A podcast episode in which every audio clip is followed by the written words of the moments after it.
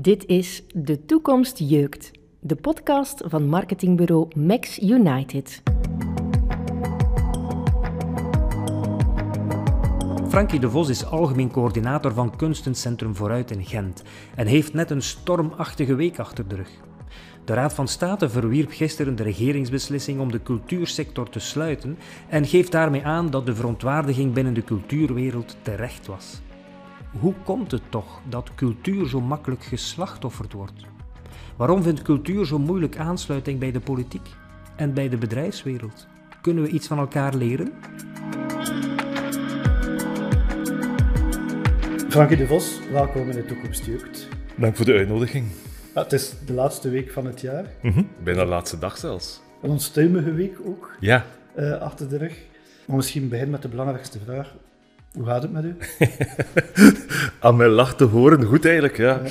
Enfin, bedoel, het zijn natuurlijk wel zeer rare dagen en zeer raar, een zeer raar jaar geweest, waar dat niet, niet iedereen zo heel vrolijk van wordt, maar uh, voor mij persoonlijk, Sava, ik bedoel, ik ben niet ziek geweest, uh, ik heb mij met intense dingen kunnen bezighouden. Ja. Ik ben een beetje mijn vleugels gekort, zowel door mijn job, maar ook door het feit dat ik vaak en graag ver reis, dus dat kan ook niet. Maar voor de rest, kijk, uh, laten we daar vooral niet over klagen. Hè.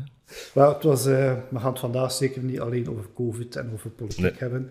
Uh, het is natuurlijk onvermijdelijk dat we het er even over zullen hebben. Maar ik ben ook heel benieuwd naar wat uh, ondernemers kunnen leren van de cultuursector, Mhm. de sector waar je actief bent. Ook de band tussen cultuur en bedrijfswereld, hoe dat die kan versterkt worden. Ik denk ook dat je daar de juiste man voor bent om daar een visie over te hebben. Maar wat is eigenlijk jouw exacte taak binnen Vooruit vandaag? Mhm.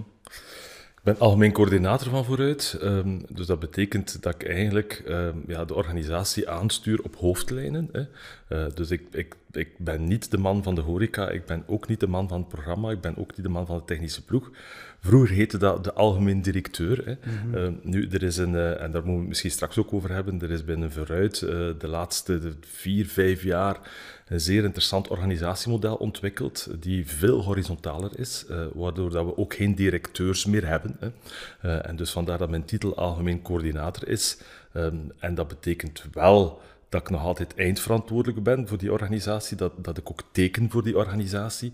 Maar het betekent wel dat ik omringd ben door twaalf mensen die op hun domein ook heel veel beslissingsmacht hebben. Ja, ik ben heel benieuwd. Moeten we daar zeker straks mm -hmm. uh, mm -hmm. even op verder gaan. Ik hoorde je eergisteren op de radio. Het okay. deugd om je stem nog eens uh, te horen. Het was een interview met, uh, met Ruud Joos.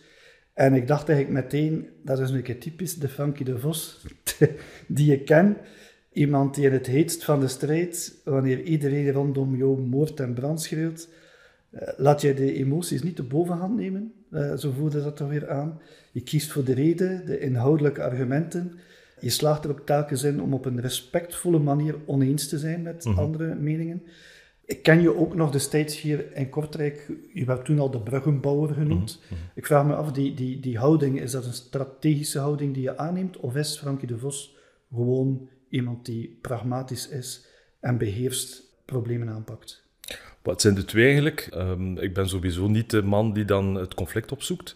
Maar het is ook in die zin strategie waarbij dat je nadenkt van hoe bereik ik hier op de beste manier het resultaat waar ik voor sta.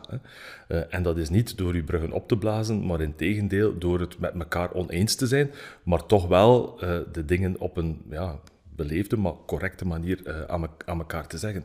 En dus in die zin, ik heb natuurlijk een, een, een, iets, een complexe positie. Ik bedoel, we zijn, we zijn een groot huis uh, die heel veel wind vangt, waar, dat er, dat er heel sterk naar gekeken wordt, waar dat de media heel sterk ook opzet en ook heel veel ja, in, in onze richting aan het, aan het kijken is.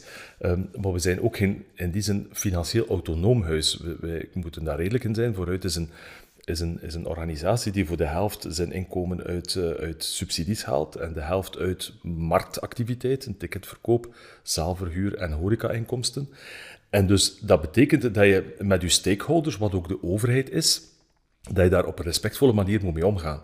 Uh, want wij krijgen daar veel geld voor. Dus ik kan niet zomaar vrijuit, moest ik het al willen, uh, um, ja, met mijn voeten voorwaarts uh, daar de oorlog aan verklaren. Dat ga ik ook niet doen. Hè. Omdat ik ook te veel respect heb voor, voor wat een overheid ook doet voor de culturele sector. Maar ik kan ook nu tien minuten pleidooi houden waar ik vind dat het allemaal verkeerd op gaat. Maar ik vind dat je wel die balans constant moet zoeken. En ik denk dat dat, ook mijn, mijn taak is in, hoe dat ik in, proberen een organisatie te leiden, dat het constant zoeken is naar een soort nieuw soort evenwicht. En ik, noem dat heel vaak eronder vliegen. Ik bedoel, ik krijg uiteraard heel veel mensen die, uh, of veel mensen, bedoel, mensen uit mijn ploeg die, uh, die, die, die, die langskomen en die ja, komen met iets waar ze mee zitten, waar dat er een probleem is, wat er een conflict is ja, als ik daar altijd zo nog een schep bovenop doen, ja, dan, raken we daar nooit uit. Dus vandaar dat ik dat zeg van laten we er eens onder vliegen. Laten we, onder, laten we proberen argumenten te zoeken die een beetje de emotie uh, langs de kant zetten. En laten we het van op een beetje afstand bekijken, waardoor dat debat en de discussie wel wat lucht krijgt, nieuwe argumenten krijgt. En zo gaat de storm heel wel vaak liggen. Dus dat is ook dat ik dat probeer aan te pakken. En het was ook succesvol mogen we wel zeggen. Het heeft wel tot iets geleid. Ja, maar het, zal wel, het zal wel het interview met Ruud Joost zijn die niet dat geleid heeft tot, tot de heropening van de culturele sector. Tot de houding waarop. Ja, ja. Wel, soms twijfel ik daar wel over hoor. Um, omdat ik, we zijn, zo de crisis met corona is nu twintig maanden ver. En soms twijfel ik wel of dat de aanpak van de diplomatie nog altijd wel de goede aanpak is. Dus in die zin, ik was zeer blij met het feit, vooral duidelijkheid, het is niet de Vlaamse sector die naar de Raad van State is gestapt, het is mhm. gebeurd door een Waalse actor, maar dat dat wel gebeurd is. Dus ik heb het gevoel dat we misschien langzamerhand toch wel iets scherper, uh, iets confronterender uh, moeten zijn dan dat we eigenlijk de afgelopen twintig maanden zijn geweest. Als we zien dat we, ehm, en nu wordt ook wel scherper, dat, dat, dat we na twintig maanden nog altijd ja, een beetje onder de trein worden geduwd, omdat ze, permettez-moi, de horeca moesten redden, ja, dan denk ik van, nu moeten we misschien wel een keer stoppen met daar nog altijd zeer beleefd over te zijn. Mhm. en, en, dus in die zin is het ook dat strategie, van als je dan ziet dat je na twintig maanden dan toch zo snel langs de kant kunt geschoven worden, moeten we misschien wel onze strategie eens wat aanpassen. Hè. Ja, maar misschien daarop verder gaan. Hè. Ik denk dat dat een belangrijke boodschap is, ook naar ondernemers toe, dat het beter is van bruggen te bouwen dan muren op te mhm. trekken. Anderzijds, als ik je mag een citaat voorlezen uh, dat ik gevonden heb van Gerrit Komrij, u wellicht wel bekend. En die schrijft, kunst en politiek, want daar gaat het natuurlijk over, de cultuur en de politiek, dat evenwicht. Hoe komt het toch dat je telkens als iemand tussen die twee probeert een band te leggen, het idee krijgt dat hij bezig is met naald en draad deze twee zeepbellen aan elkaar te naaien?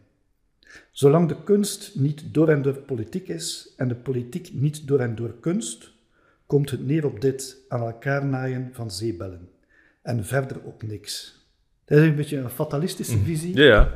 over de verhouding tussen kunst, cultuur en politiek. Volg je die visie? Ik volg ze in die zin dat het altijd een conflictmodel is. Hè? En dat het ook zeer goed is dat je dat erkent van elkaar.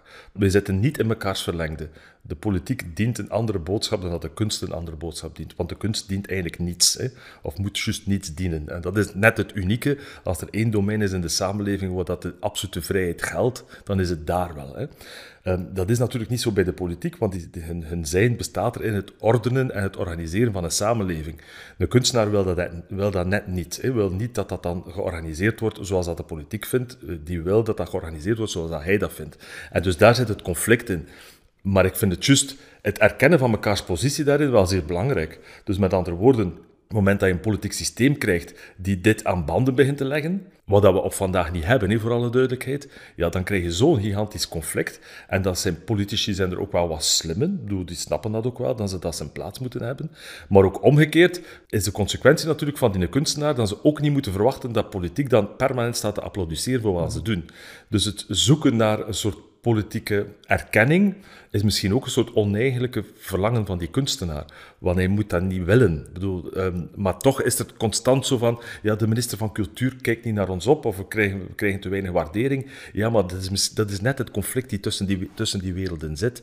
En het is maar door het erkennen van, van dat conflict tussen elkaar dat je weer, dat je weer een verhouding hebt met elkaar of zo. Mhm. Eh, maar, maar, probeer niet elkaar daarop te beïnvloeden. Hè. Het is moeilijk, hè? want uh, het stukje dat ik citeerde komt eigenlijk uit een boek van Patrick de mhm. Waal, dat hij geschreven heeft in het jaar uh, 91, mm bijna 30 jaar geleden. Mhm. Hij was toen minister van Cultuur in de Vlaamse regering.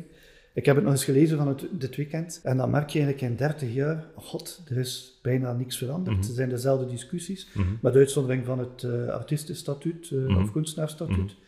Hoe kan dat dat jullie nog met dezelfde uitdagingen, moeilijkheden geconfronteerd blijven worden? Maar omdat ze ook opschuiven, denk ik. Allee, ik denk niet dat het 100% dezelfde zijn. Dat de samenleving verandert, artiesten veranderen en de politiek verandert. En hoe komt het? Omdat het net over dat conflictmodel gaat, denk ik. Van het moment dat de politiek opschuift, gaat, de artistieke sector ook opschuiven. En dus we bestaan in de gratie van het conflict. Hè. En dus in die zin hebben we het nooit helemaal kunnen oplossen, omdat we het ook vanuit de culturele sector zelfs niet willen dat het opgelost is. Het moment dat we dan tot een soort ja, zeer evenwichtig samenhang tussen kunst en politiek gaan, ja, dan wordt dat artistieke gewoon niet meer interessant. Mm Het is maar door het feit dat, de, als de politiek naar links opschuift, dan gaat de artistieke sector al echt een beetje naar rechts opschuiven. Omdat dat net onze taak is, om dingen te, te duiden, dingen te zeggen die uh, niet machtsbevestigend is. Hè. Mhm. Eh, en het is net dat wat dat politiek natuurlijk wel heel graag heeft. Hè en de Waal was daar slim in, denk ik, omdat hij dat ook wel snapte, dat hij die vrijheid moest geven. Hè. Als je met beleid te maken hebt die probeert hun politieke agenda op te leggen ten aanzien van die, van die artistieke sector, ja, dan pas krijg je het grote conflict. Denk aan de discussie die er is of was rond het kanon. Mhm. Als dan plots de culturele sector moet dienen om een soort uh, Vlaams nationaal gedachtegoed te gaan promoten, ja, we zijn er allergisch aan, dus we gaan dat ook nooit doen. Bye, dan komt het conflict weer zo sterk binnen en krijgen we natuurlijk weer helemaal niet gedaan wat we willen, zijn er meer geld voor de kunstenaars. Dus, dus het, zal ook, het zal ook nooit opgelost zijn, denk ik. En die kanon leeft dan nog altijd? Voor de buitenwereld niet, lijkt het? Of dat, dat niet bij ons, maar er is, daar, er, is daar een, er is daar een commissie mee bezig. Ehm, maar op vandaag, ik denk dat politiek ook wel inziet dat ze daar weinig applaus mee krijgen en dat, dat die sector daar ook niet staat op te wachten. Ik denk ook dat ondertussen, de minister, de minister Jan Bon, die dan nu onze cultuurminister is, ook wel veel meer respect heeft gekregen voor de culturele sector, as it is, dan voor de sector dat hij er wil van maken of zo. Hè. in, mhm. in die zin, hij zit daar nu met zijn neus op, hij wordt geconfronteerd met het internationaal succes die de Vlaamse kunstensector heeft. Daar wordt van heinde en ver, krijgt hij daar applaus voor. En dus in die zin ziet hij ook wel dat met de beperkte middelen die ze daarin steken, tussen ons en Zwegen. Het gaat over 150 miljoen per jaar die naar de kunstensector gaat. Dus dat is niets. Echt niets. Dus waar hebben we het dan Hanse dagen over? Dat is 0,2% van de Vlaamse begroting. Gaat naar de kunstensector. Uh, wat dat dag genereert aan uitstraling, aan creativiteit, aan naamsbekendheid voor Vlaanderen, is gigantisch. Hè. Hmm. Je ziet het altijd zo, hè, van, van, van op een afstand komt er dan een politicus die dan zegt, ik ga zo daar een keer in de culturele sector. Ik hoor dat ook vaak van ondernemers, hè, die dan solliciteren bij ons, of die dan bij ons, die, ik ga eens in de culturele sector, en dan komen ze toe en dan trekken ze zo'n ogen. Hè. Dan is zoiets, ja, we gaan eigenlijk misschien juist niets of zo. Niets dat we niet te leren hebben, dat we niet te verbeteren zijn.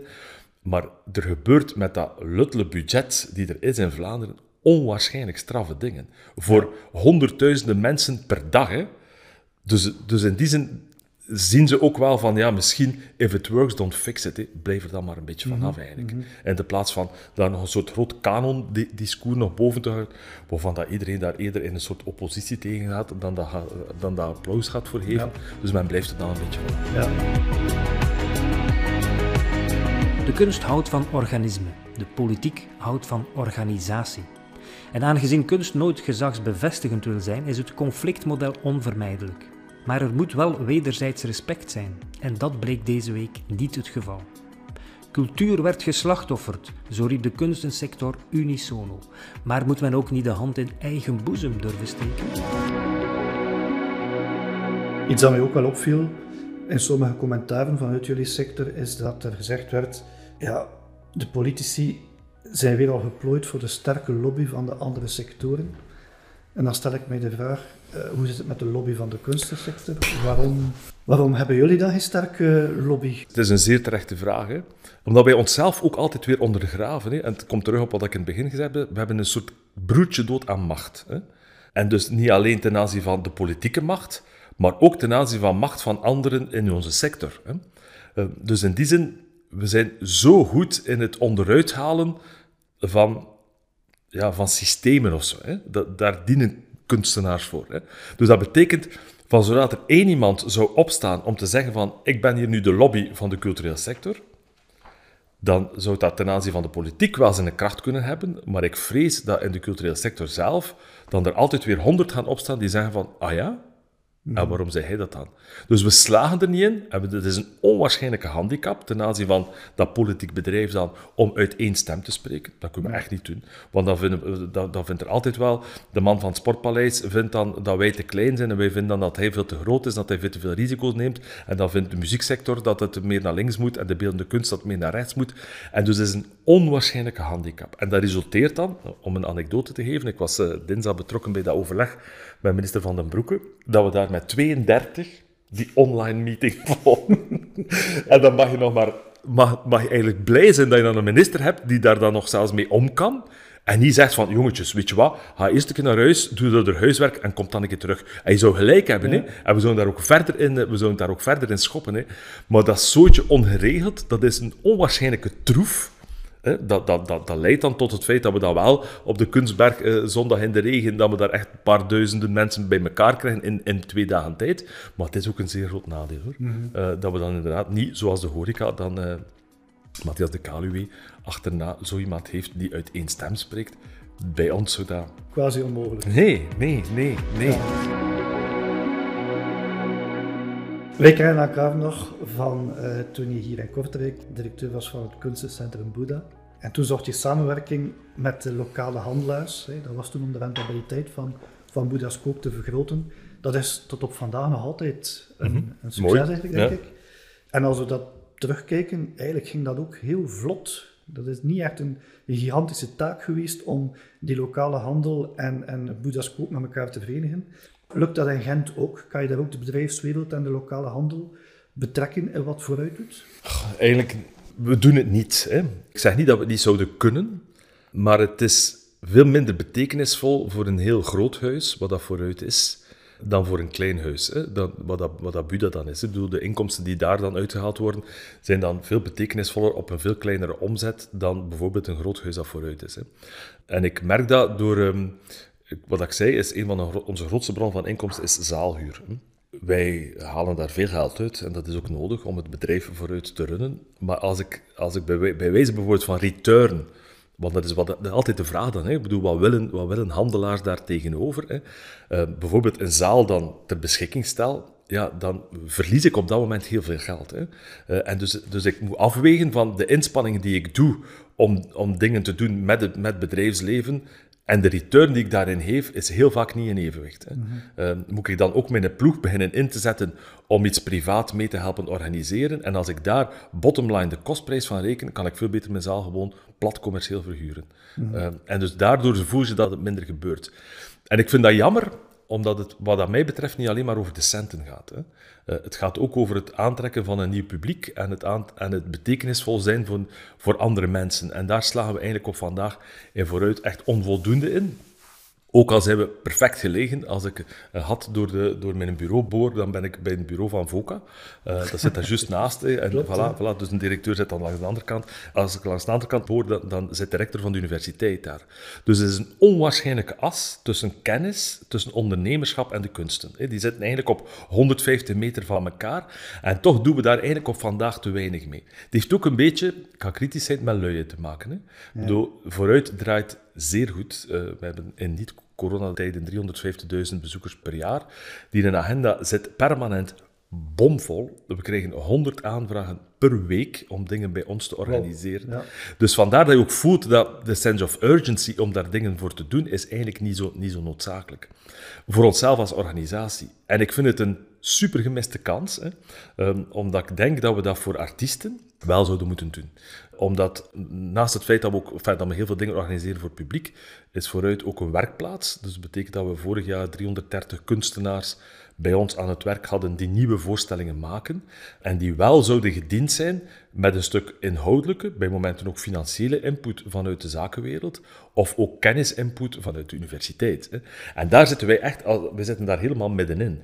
Dus moesten we daarin slagen om die werelden dichter bij elkaar te plaatsen en daar ja, te zorgen dat dat het werk van kunstenaars kan versterken, ja, dan zou vooruit nog een veel interessantere plaats voor artiesten zijn. Ja. Maar op vandaag, moet ik, ik ga eerlijk zijn, het is een discours die mij heel nauw aan het hart ligt, maar waarbij dat ik in mijn ploeg, van het werken 90 mensen bij vooruit, toch wel een beetje de roeper in de woestijn ben. hoor. Mm -hmm. uh, omdat ik voel dat veel mensen zoiets zijn, maar ja, in de verte vinden ze dat dan wel interessant, maar die pezen, maar wacht, waar heb je het eigenlijk over? Hè? Omdat dit is ook, het is ook zo'n machinerie. Hè? Ik ben er absoluut van overtuigd dat innovatie uit de periferie ontstaat. Hè? Mhm. En dan is Kortrijk een veel innovatiestimulerender omgeving dat dat een grote boete als vooruit dat is. Hè? Ja. Want dat is, een, dat is een tanker die vaart, die vaart zeer goed. Uh, iedereen is daar super enthousiast over. Uh, dat mijn, mijn, mijn, collega's ook die daar werken, die, die zitten echt in dat richting van we moeten die kant uit. Maar als je daar probeert nieuwe dingen aan toe te voegen, is dat eigenlijk veel moeilijker dan dat dat voor mij was als ik, het, als ik bij Buda werkte. Hè? Ja. Of in een kleine stad werkte, of wat meer in de luwte werkte. Een goed varende tanker als vooruit maakt het niet makkelijk om nieuwe trajecten op te starten. Ook al zou Frankie de Vos dat absoluut willen. Wat kunnen onderwijs, cultuur en bedrijven voor elkaar betekenen? Hoe kunnen ze elkaar versterken zonder hun eigenheid te verliezen? En ja, ook hier zijn zaken in beweging. Eh, ik heb zo drie maanden of vier maanden in een grot geleefd de afgelopen maanden. En dat te maken met het feit dat we ons nieuw beleidsplan moesten schrijven, 23, 27, wat dat een zeer intens traject is om dat te doen. Dat is ook super belangrijk. Hè. Het hangt er zeer veel geld van af, uh, van, van, dat document. Uh, een van de pijlers daarin um, heet buitendienst. Uh, en, en, betekent dat wij met een aantal sectoren binnen het bedrijfsleven of binnen de samenleving die buiten de kunsten vallen, een samenwerking van vijf jaar gaan opzetten. En dat vind ik wel veel interessanter dan te zeggen van we gaan ad hoc, ja. een keer met links en een keer met rechts. Wat, wat betekent dat dan? Hè? Ik geef een voorbeeld.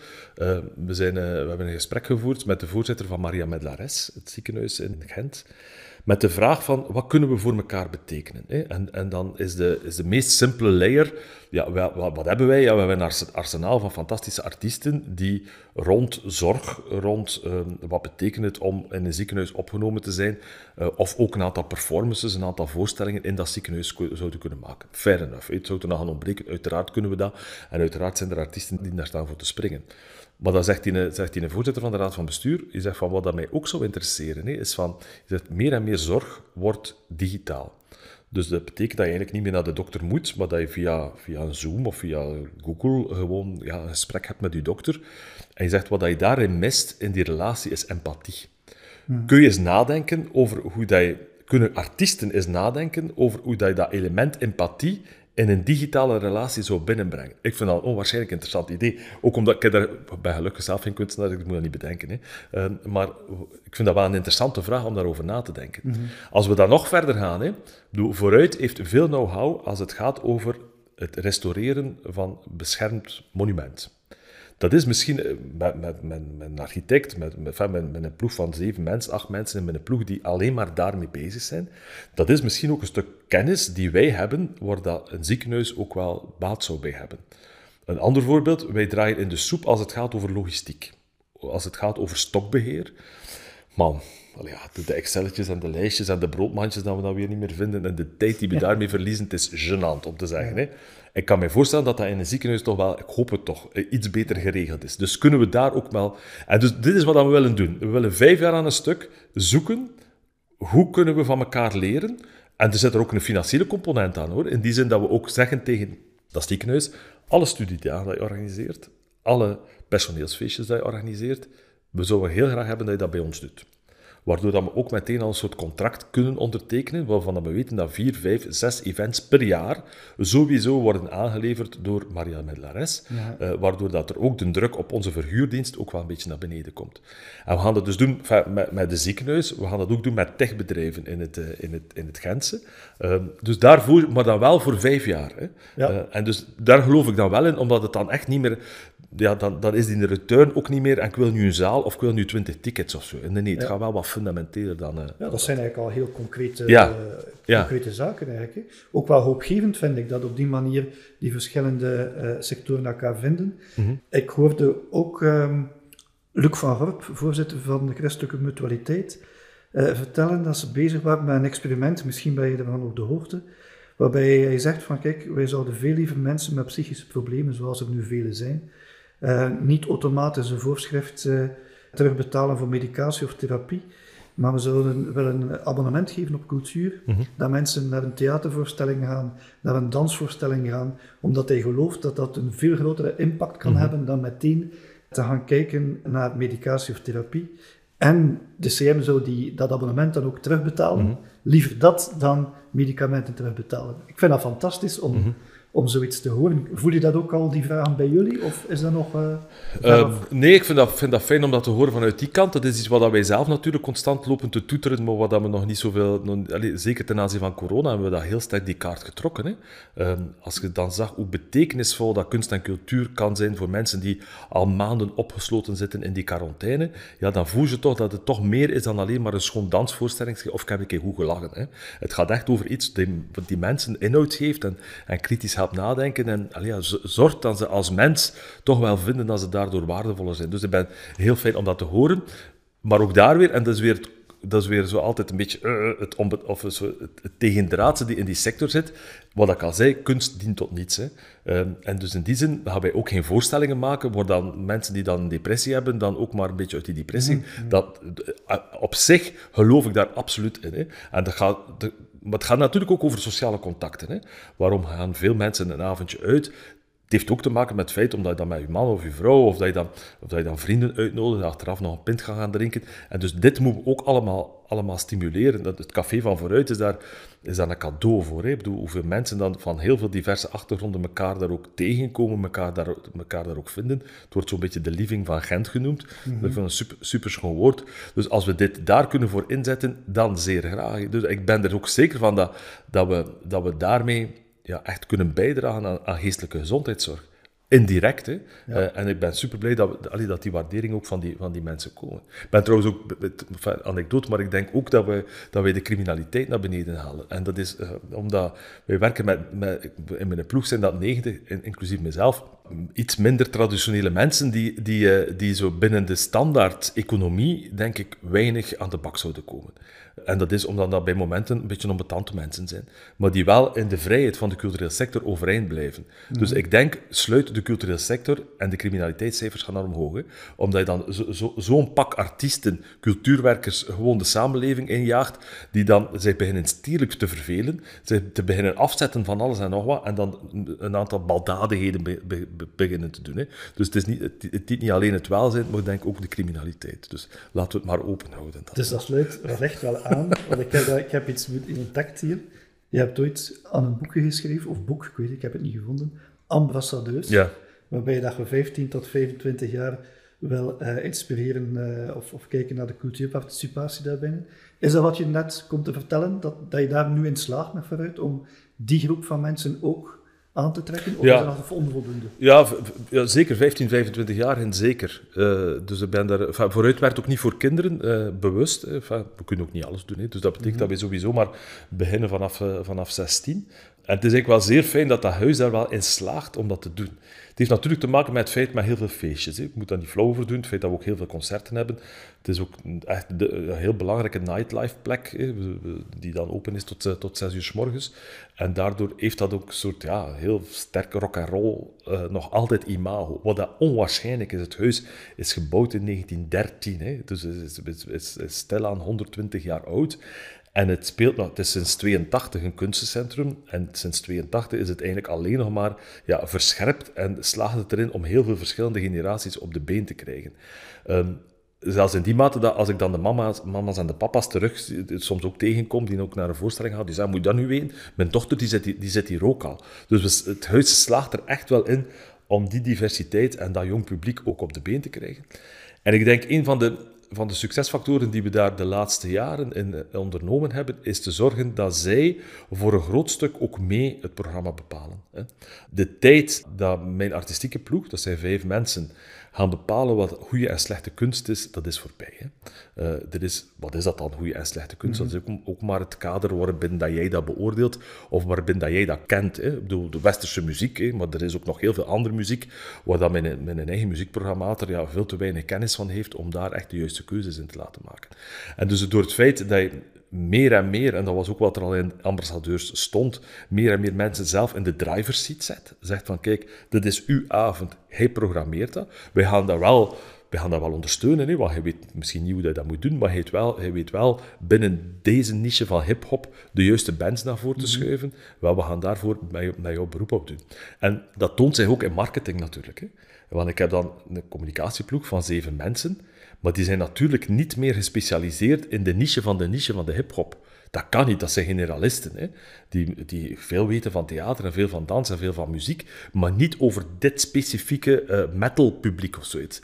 En dus door het feit dat wij twee derde ondertussen van ons programma organiseren in samenspraak met jonge mensen, kleine VZW's, individuele kunstenaars, die echt stempel, zwaar de stempel drukken op het programma, zorgen zij ook dat die, dan die hun eigen achterban meebrengen. Hè. Uh, en dat die dus zelf wel weten van, oké, eh, vooruit, jullie hebben, ik zeg maar niet, 3000 of 4000 of 5000 euro communicatiebudget om daar advertenties mee te kopen. Zet het op die website, zet het op die blog, uh, investeert in die podcast. En zo ga je dat publiek weten te vinden. Wij proberen zoveel mogelijk kennis van die jonge mensen te gebruiken om ons programma te maken. En niet voor hen te werken, maar echt, ja, echt samen met hen te werken.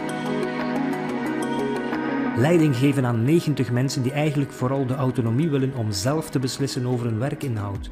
Het is een uitdaging waar ook heel wat bedrijfsleiders voor staan. Maar hoe doe je dat? Frankie hanteert één belangrijk principe: de doer decides. Voor u zeggen meer dan 90 mensen.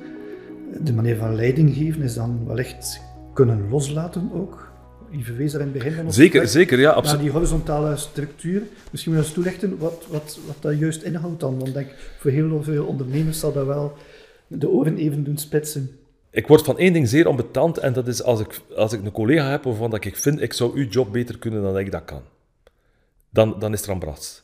Als ik, als ik vind dat, dat ik beter de pers kan te woord staan dan mijn perswoordvoerder, of dat ik beter de communicatie kan doen, of beter de muziekprogrammatie kan doen, ja, dan stopt de samenwerking eigenlijk. We gaan dat nog een aantal maanden evalueren of zo. Hè. Maar, uh, dus dat betekent dat je eigenlijk constant mensen zoekt die op hun domein veel slimmer en veel competenter zijn dan ikzelf. Dus ik sta daar niet aan de top, integendeel. Ik bedoel, ik sta echt een soort onderaan en ik kijk van onderaan van wat gebeurt er allemaal boven mij. Hè? Wie is er allemaal op een goede manier met zijn ploeg bezig? Um, um, op welke manier wordt het programma op een goede manier gemaakt? En dan hebben we um, in structuur, het is een, uh, we hebben een uh, directiecomité die bij vooruit zat, waar dan er vijf mensen waren, is vervangen door een groep van twaalf.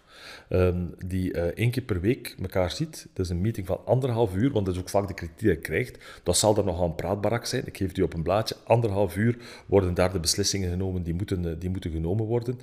De agenda van het coördinatieteam, want dat is hoe dat heet, uh, is openbaar voor de 90 mensen. Dus dat betekent dat iedereen die een punt wil toevoegen aan de agenda, dit ook kan. Als je ziet dat er een agendapunt op staat die betrekking heeft op uw job, of je vindt dat je daar een uitgesproken standpunt over hebt, dan kom je ook naar het coördinatieteam. Het verslag van het coördinatieteam wordt binnen de 24 uur gedeeld met iedereen van de ploeg. Dus dat is één voorbeeld.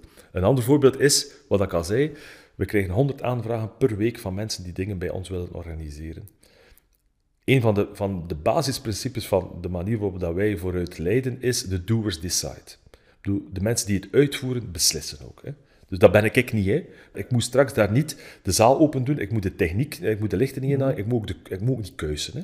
En um, wat gebeurt er? Wij hebben, een, uh, we hebben een groep gemaakt, het heet Intake. Um, en iedereen die de gevolgen draagt van een activiteit, op een aanvraag van een activiteit, ja of nee te zeggen, zit meer rond de tafel. Dat is een overleg die 20 minuten duurt. Niet meer dan dat. Hè. Dus nee, het is geen praatbarak. Hè. Uh, eh, 20 minuten duurt om ongeveer van die 100 de 30 nog te bespreken. Hè. Uh, want 70 kun je sowieso klasseren, omdat, omdat iemand een, ja, een vraag stelt over een datum die niet beschikbaar is, of zegt ik wil een tentoonstelling doen. Ja, vooruit doe geen tentoonstelling, hup, dat is ook al niets. Uh, maar dus als er nog 30 over zijn, dan wordt er daar in 20 minuten over die 30 gedebatteerd van met welke gaan we in zee en met welke niet. En dus ook de mensen van de onderhoudsploeg, mensen van, uh, van communicatie, mensen die de techniek doen, mensen van gebouwentechniek, permanentie, uh, horeca ook, die zitten allemaal rond de tafel en die beslissen of dat we deze of geen activiteit ja of niet, of niet zullen doen. En sinds dat we dat doen, doen we meer. Hè? En waarom? Omdat mensen daardoor nu snappen ook waarom dat we dat doen. Uh, en dus dat er soms echt een fantastisch voorstel binnenkomt waarvan we pezen, maar ja, shit, we hebben eigenlijk niet, niet echt veel ruimte meer, zeker niet in uren van, uh, van mensen van de schoonmaak bijvoorbeeld, om te zorgen dat tussen de sluiting om 6 uur s morgens en de volgende activiteit om 10 uur, om 10 uur s morgens, maar 4 uur tussen, en die zaal moet helemaal weer, weer deftig staan. Maar als men snapt welk soort activiteiten dat zal zijn en waarom dat we dat doen, dan voel je dat ja, de drive, de intrinsieke motivatie om dan een activiteit te doen, dat daardoor groter wordt. En dus hebben we eigenlijk een systeem ontwikkeld die, enfin, dus het gaat te lang duren om het daar helemaal uit te leggen, maar, maar die met heel veel checks en balances uh, in zich houdt, om te zorgen, en het is ook, het is in die zin, het is niet laissez-faire, laissez-passer, dat gaat ook niet, ik bedoel, dit huis, wat ik zei, het is een, het is een draaiende machine met vier, vijf activiteiten per dag. Maar in de normale dagen tussen de 1200 en de 1800 mensen per dag. Dus dat gaat niet zomaar. in. Niet iedereen kan maar zomaar doen wat, wat, wat hij wilt. Uh, maar de manier waar tot, waarbij dat we tot besluitvorming komen, is wel veel horizontaler. Uh, en, en, laat toe dat veel mensen op, welke, op alle domeinen van de bedrijfsvoering van vooruit echt ook inspraak daar, uh, daarop hebben en daar ook kunnen op wegen. Het klinkt, het klinkt heel logisch. Ik stel me dan wel de vraag, het moment dat je die verandering doet, dat is echt wel een ja, voor veel mensen ook een cultuurschok intern. Is dat goed verlopen of was dat nodig? Eh, wel, weet je wat, het is van onderuit ontstaan. En dat, is een, dat was een ongelooflijk cadeau. Uh, Vooruit bestond 100 jaar in, in, in 2013. Uh, ehm, en heeft toen een heel uh, groot, had, had, toen een zeer uitgebreid programma, ik werkte daar toen nog niet, en moest op dat moment ook 1 miljoen euro besparen. Er zijn er dan een aantal maatregelen uitgevaardigd door dat directiecomité, die zo slecht gevallen zijn bij de rest van de ploeg, dat er eigenlijk een soort ja, opstand, muiterij is ontstaan. Gelukkig er waren zeer veel slimme mensen bij vooruit. Heeft dat ook niet geleid tot de complete breuk, maar weliswaar tot een absoluut bewustzijn dat de manier waarop het er toen leiding werd gegeven in deze organisatie echt niet meer kon. Dus met andere woorden, ik heb dat daar niet moeten opleggen. Ik ben daartoe gekomen. Op het moment dat er eigenlijk al veel dingen zwaar in beweging waren. En het enige wat ik moest doen, is eigenlijk die transitie naar beneden trekken. Zorgen dat we daar een model voor maken waardoor dat helder wordt en dat er ook een stuk rust in de organisatie komt. En dus ik heb niet moeten werken aan de motivatie om daarin mee te stappen. Integendeel, die motivatie was intrinsiek zo groot, omdat het echt vanuit een kwaadheid ontstond ten aanzien van ja, het vrij piramidaal systeem, die, die je ook vaak in heel veel bedrijven ziet, waarbij dan een groot stuk van mijn ploeg zijn van sorry, maar dit is niet meer hoe dat wij in, een, in dit bedrijf als vooruit willen mhm. werken. Ja, weer een mooi voorbeeld van hoe dat crisis Oh ja, ja, ja.